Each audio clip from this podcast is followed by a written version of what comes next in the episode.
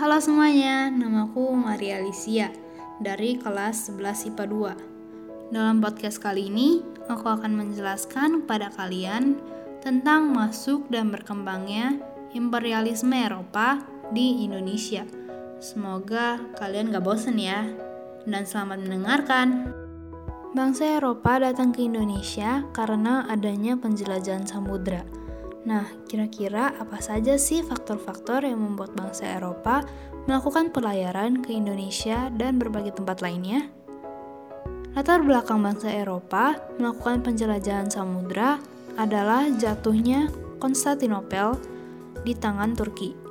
Jatuhnya kota dagang Konstantinopel di tangan Turki mengakibatkan bangsa Eropa tidak bisa berdagang dan tidak bisa mencari kebutuhan di kota Konstantinopel.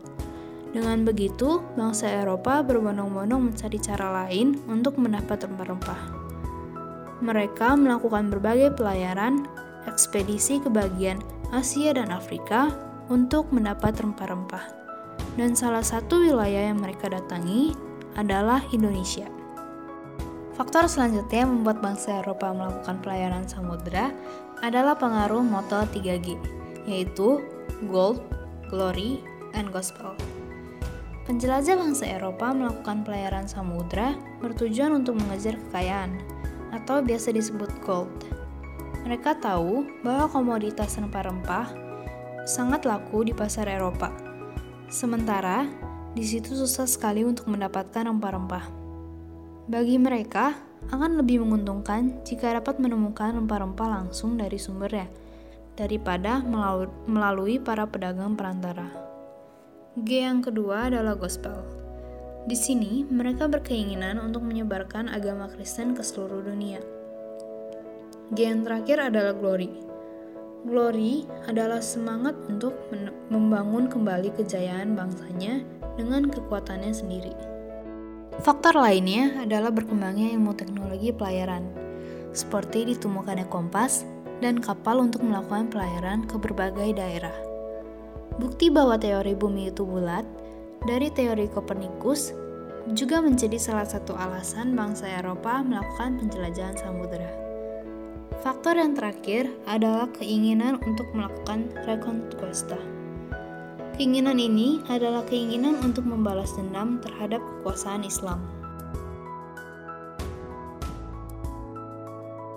Kalian tahu kan bahwa Indonesia itu sangat kaya akan kekayaan alam, terutama rempah-rempahnya. Karena hal itulah bangsa Eropa mencari berbagai cara dengan melakukan pelayaran samudra ke Indonesia. Ekspedisi pertama kali bangsa Portugis dipimpin oleh Bartolomeus Dias. Namun, Dias hanya bisa sampai ke Tanjung Harapan di wilayah Afrika Selatan. Ekspedisi Portugis kemudian dilanjutkan oleh Vasco da Gama ia berhasil sampai di Kalkuta, India di tahun 1498. Di sana, ia membangun benteng dan membuka kantor dagang. Setelah sekian lama berada di India, akhirnya bangsa Portugis sadar bahwa India bukanlah wilayah penghasil rempah-rempah.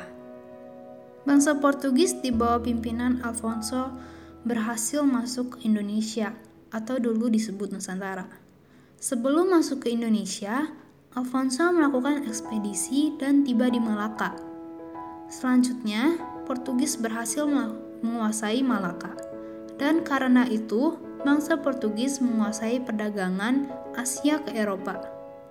Karena hal itu pula, bangsa-bangsa Eropa mengenal Nusantara.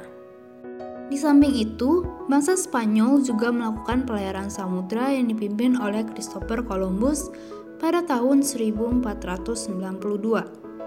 Ekspedisi Christopher Columbus bertujuan untuk menemukan rute alternatif ke India. Ia melakukan pelayaran dan sampai di Bahama, benua Amerika. Ia mengira tempat itu adalah India, sehingga penduduk asli di sana ia namakan orang Indian. Bangsa Spanyol berhasil memasuki Nusantara di bawah Ferdinand Magellan. Mereka tiba di Filipina dan kemudian sampai di Kepulauan Maluku di bawah pimpinan Sebastian Delcano. Portugis yang sebelumnya sudah menguasai Tidore merasa terganggu dengan kedatangan Spanyol. Portugis menganggap mereka melanggar perjanjian Tordesillas yang sudah pernah dibuat sebelumnya, yaitu wilayah bagian barat adalah wilayah Spanyol dan wilayah bagian timur adalah wilayah Portugis. Hal itu menimbulkan konflik dan akhirnya mereka melakukan perundingan dan terciptalah perundingan Saragossa. Masuknya Belanda ke Indonesia dilatar belakangi oleh ditutupnya bandar perdagangan Libason bagi pedagang Belanda oleh Spanyol. Pada saat Belanda masih menjadi jajahan Spanyol, Belanda sering membeli rempah-rempah di Libason Portugis.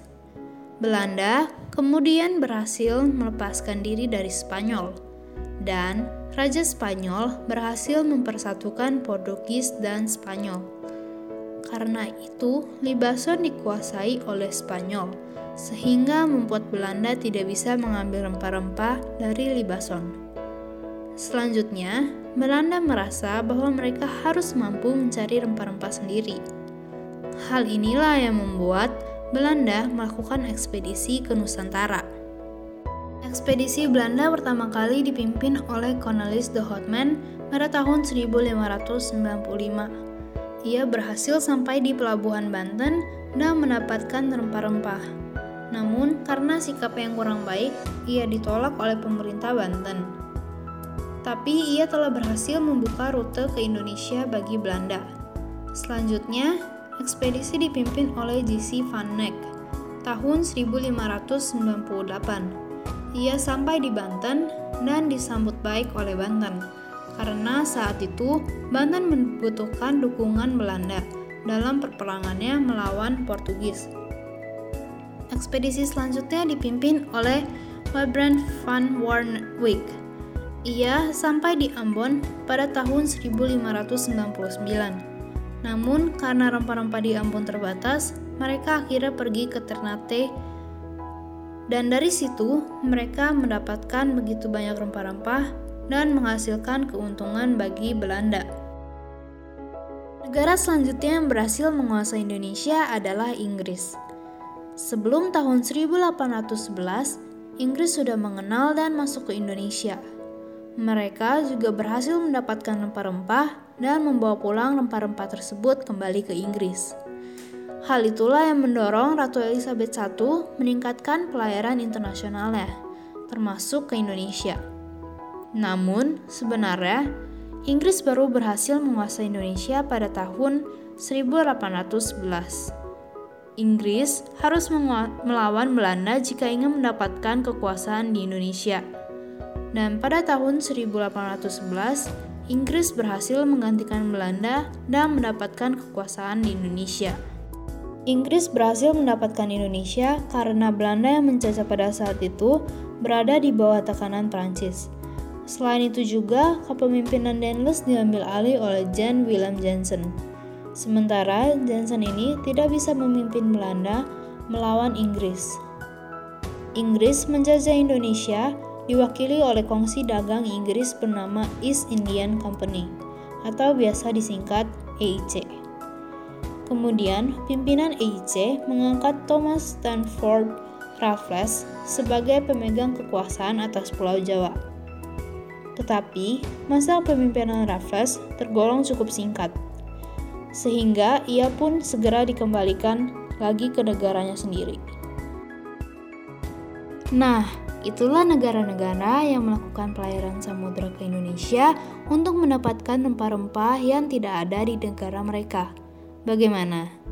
Semoga materi ini bisa dipahami ya, dan cukup penjelasan saya sampai di sini saja. Semoga bermanfaat ya. Thank you for listening and see you next time. Bye bye.